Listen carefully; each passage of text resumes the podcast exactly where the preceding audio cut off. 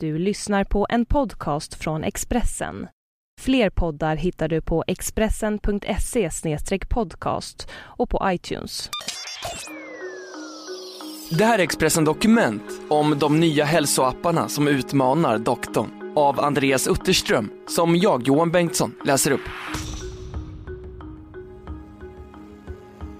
De smarta telefonerna kan förbättra vår hälsa.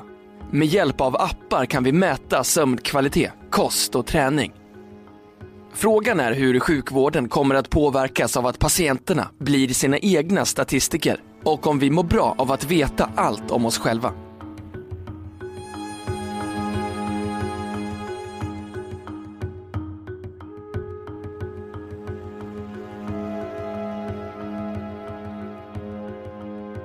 Liksom många goda idéer var den före sin tid. När det svenska företaget Diabetes Tools grundades 2005 fanns en vision om att göra något för att förbättra diabetesvården.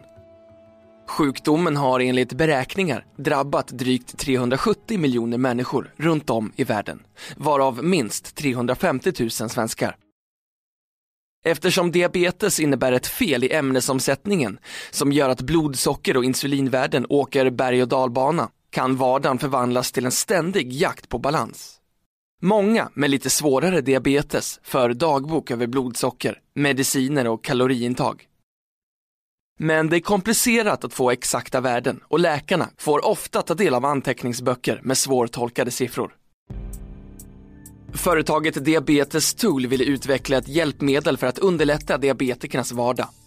Resultatet blev en elektronisk dagbok i form av ett dataprogram det var ett steg på vägen, men eftersom ingen ständigt har datorn till hands var det långt ifrån optimalt.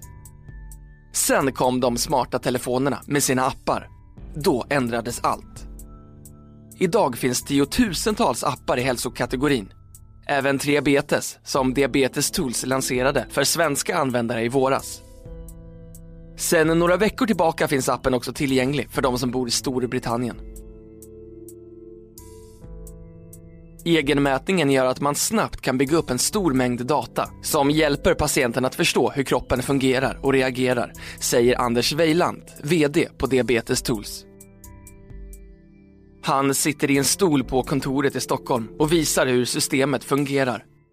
Användaren kan koppla appen till ett program i datorn och där ta fram till exempel genomsnittliga blodsockervärden för veckodagar och klockslag. Eftersom medicinering loggas går det att se samband mellan den och kroppens värden. Men för att nå framgång gäller det att sticka ut bland apparna. Kvalitetsskillnaden är stora. IMS, Institute for Healthcare Informatics, presenterade nyligen en utvärdering där experter gått igenom 43 689 hälsoappar. Resultatet bara 16 275 hade något vettigt att bidra med genom information, råd eller loggning av data. Vår trovärdighet bygger på att vi är certifierade för att jobba med medicinteknik och har arbetat med de här frågorna länge, långt innan rätt teknik fanns. Vi genomför också en studie i Polen där vårt system testas i vården, säger Anders Weiland. Han talar förstås i egen sak, men menar att även vården och i förlängningen skattebetalarna har mycket att vinna på att patienten deltar aktivt genom att logga sin tillvaro. Då ges möjlighet att höja kvaliteten på vården och nå bättre resultat med minskad personal, vilket givetvis sparar pengar. Så vad säger läkarna Mats Wahlqvist på Salgrenska akademin i Göteborg har forskat om relationen mellan läkare och patient och känner sig allmänt skeptisk till siffror som ska bollas fram och tillbaka. En bra läkare-patientrelation innebär kontinuitet och uppföljning. Då ska man inte tro att den mänskliga kontakten kan ersättas av maskiner. Hälsa är något mer än bara siffervärden, säger han. Hoa Ly, doktorand i klinisk psykologi vid Linköpings universitet, håller med om det. Han är dessutom VD för HOAS Tool Shop som utvecklat en app som används vid KBT-behandling mot depression. Tidigare i år presenterade han en studie som jämförde två grupper. Den ena träffade en terapeut fyra gånger och använde därefter appen för eget arbete. Den andra gruppen träffade en terapeut tio gånger men jobbade inte med smarta telefoner. Resultatet visade att behandlingen av appgruppen var dubbelt så effektiv. Det verkar som om det digitala verktyget gör att man kan förstå sin problematik och jobba med den lite mer självständigt. Men det måste ske tillsammans med terapeuten. Appen är ett komplement, säger Håly. För svenska läkare har nätet inneburit att de numera möter en ny typ av patienter.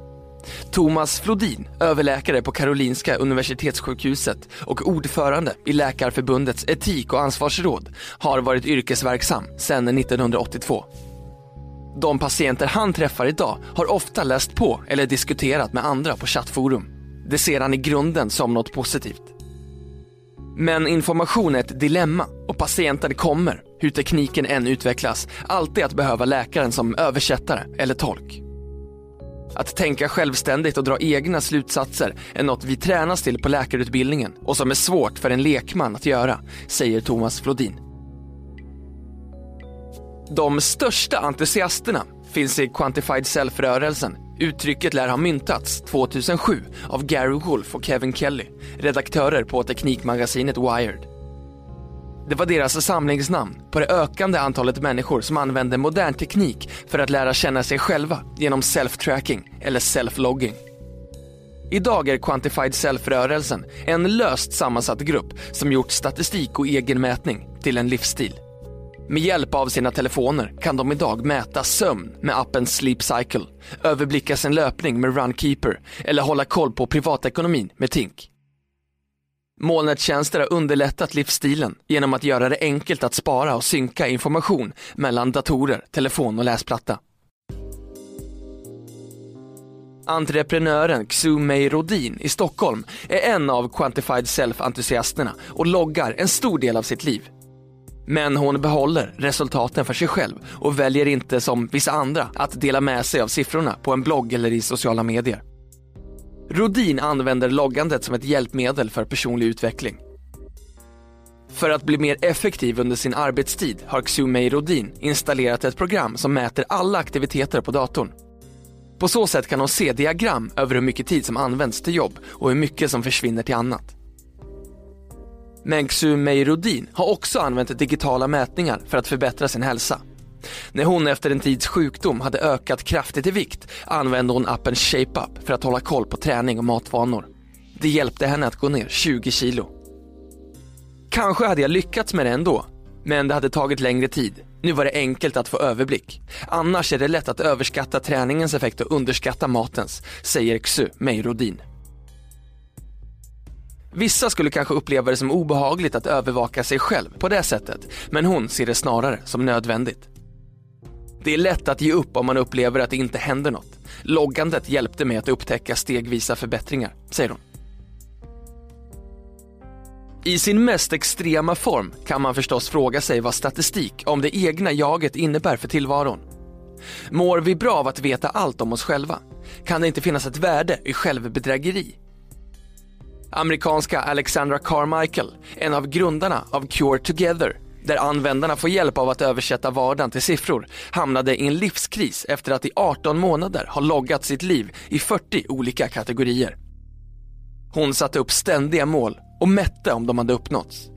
Till slut hatade Carmichael sig själv, slutade lita på magkänsla och led av ett sjukligt kontrollbehov. Jag börjar inse att jag måste lita, lyssna och acceptera mig själv. Att jag är mer än siffrorna att jag är vacker, stark och supersmart och inte behöver straffa mig själv mer, skrev Alexandra Carmichael på sin blogg.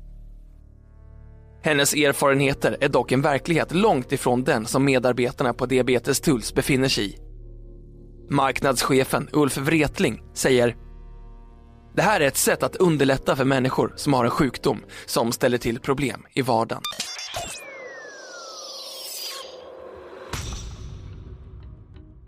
Du har lyssnat på en podcast från Expressen. Ansvarig utgivare är Thomas Mattsson. Fler poddar finns på Expressen.se och på iTunes.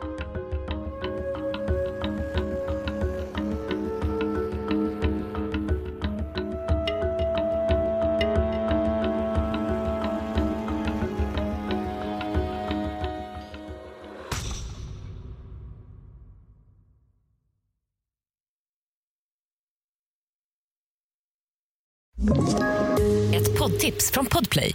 I podden Något Kaiko garanterar östgötarna Brutti och jag, Davva, dig en stor dos skratt. Där följer jag pladask för köttätandet igen. Man är lite som en jävla vampyr. Man har fått lite blodsmak och då måste man ha mer. Udda spaningar, fängslande anekdoter och en och annan arg rant. Jag måste ha mitt kaffe på morgonen för annars är jag ingen trevlig människa. Då är du ingen trevlig människa, punkt. Något Kaiko, hör du på Podplay. Därför är gardinerna.